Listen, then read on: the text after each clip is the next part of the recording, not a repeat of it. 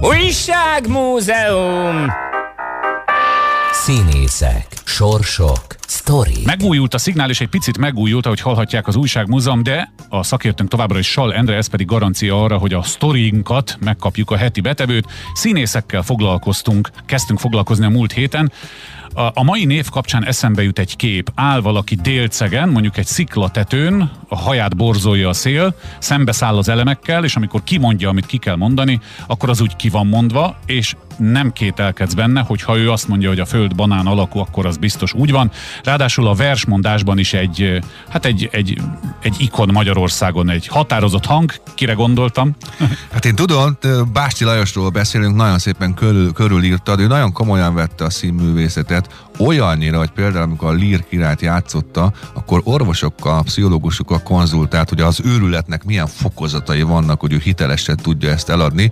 Na de mondok egy másikat, no. ami egészen döbbenetes. Hát róla tudni kell, hogy a származása miatt a második világháború alatt menekülnie kellett, pontosan bujkálnia, és többször elvitték munkaszolgálatra, és onnan sikerült megszöknie, és végül is a egyik pályaudvaron szenes emberként dolgozott hamis igazolványokkal. Na de hogy ő még a szenes embert is eljátszotta, nem csak uh, stílusában, hanem külsőségei is. Minden reggel szépen bekente az arcát szénporral, fölvette a kikészített ócska ruhát, és azzal ment dolgozni, hát hogy ne legyen feltűnő, és így, így ne lógjon ki a, ne sorból. Ki a sorból. Tehát egy szenzációs színész volt. Hát ugye azt uh, a legtöbben Torma Gedeonként emlékezhetnek rá az Abigailből. Hát ha nem színházba járok, pedig hát ő zseniális uh, színházi ember volt, de hát Abigailben is a, a Torma Gedeon, az a, az a, az a komoly, szikár ember, az valami csodálatos. Jellemes, igen. jellemes, és hát hogyha azt veszem hozzá, hogy ő akkor már nagyon beteg volt. Tehát tudjuk, hogy a tüdőrákkal szenvedett, és ő már a Abigail forgatása alatt tudta, hogy súlyos beteg, és hát nem is élte meg a bemutató idejét, és ha valaki alaposabban megnézi a, a sorozatot, lehet tudni, hogy valami nem stimmelhet, ugyanis beleírták a jelenetbe Balázsovics Lajos, mindig azt mondja, főleg a vége felé a filmnek, hogy az igazgató úr azt üzeni.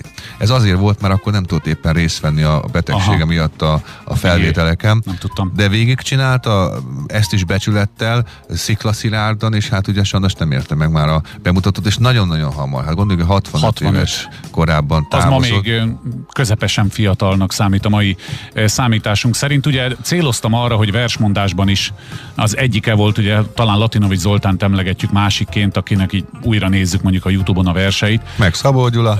Ja, jó, hát persze lehetne sorolni, de most így hirtelen ez a két név mindenképpen eszembe jut. És ő neki segített ez abban, hogy bekerüljön a színművészetére, ugye? Már, már akkor látták rajta. Hát hogy hát bement a, a felvételére, és egy adi verset mondott, és négy sor után azt mondták, hogy köszönjük szépen, föl van véve, tehát ilyen szinten mondott ő verset. Olyan érdekes, mert amúgy orvosnak készült, aztán a szín, színművészet felé keveredett, hála a jó Istennek, tehát megkaptuk őt magunknak, de tényleg egy csodálatos ember volt. Nagyon érdekes, még a második világháború legelején ő elmehetett volna Londonba, kint is volt Londonban, és maradhatott volna Londonban, sőt emigrálhatott volna hmm. Amerikába is, és idősebb korában, idősebb korában, tehát már később nyilatkozta, hogy, hogy biztos benne, hogyha ő elmegy Hollywoodba, akkor elért volna akkor a karriert, mint a Lukács Pál, ugye Paul Lucas néven Igen. lett világhírű, de ő azt mondta, hogy Magyarországon akar élni, nem akar máshol élni, ide született, és ezt, ezt itt, itt is akar meghalni. Ez is teljesült, és hát ne felejtsük el, hogy az ő lánya Básti Júli, a zseniális színésznő, tehát tovább is adta a, a Véna az, az most is él, és hát Básti Júli viszi tovább az ő életművét.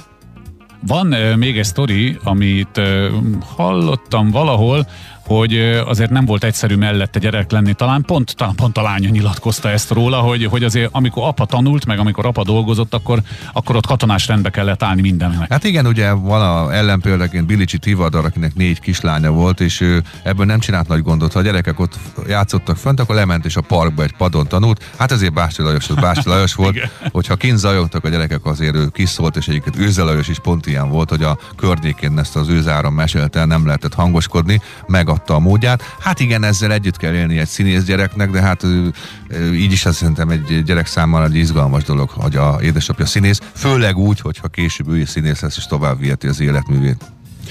A gyermekkora bár ugye fordított kronológiában halladunk, igazából ugrálunk az időben, de nem baj, hiszen sztorizgatunk.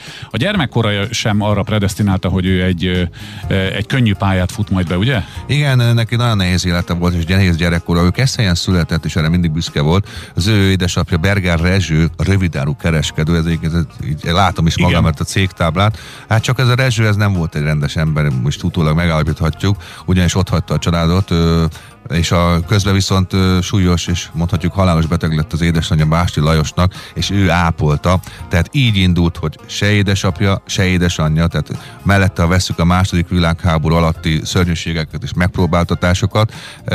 Lehet egyébként, hogy ez is kellett, hogy ő ennyire kiteljesítjen mm-hmm. később a művészetbe, ugye neki ki kellett adni ezeket a feszültségeket, és hát később szerintem mondhatjuk azt, hogy a színművészetben menekült, és hát viszont csodákat alkotott. A legjobb hely helyre menekült, ha szabad ezzel a kifejezéssel élnem.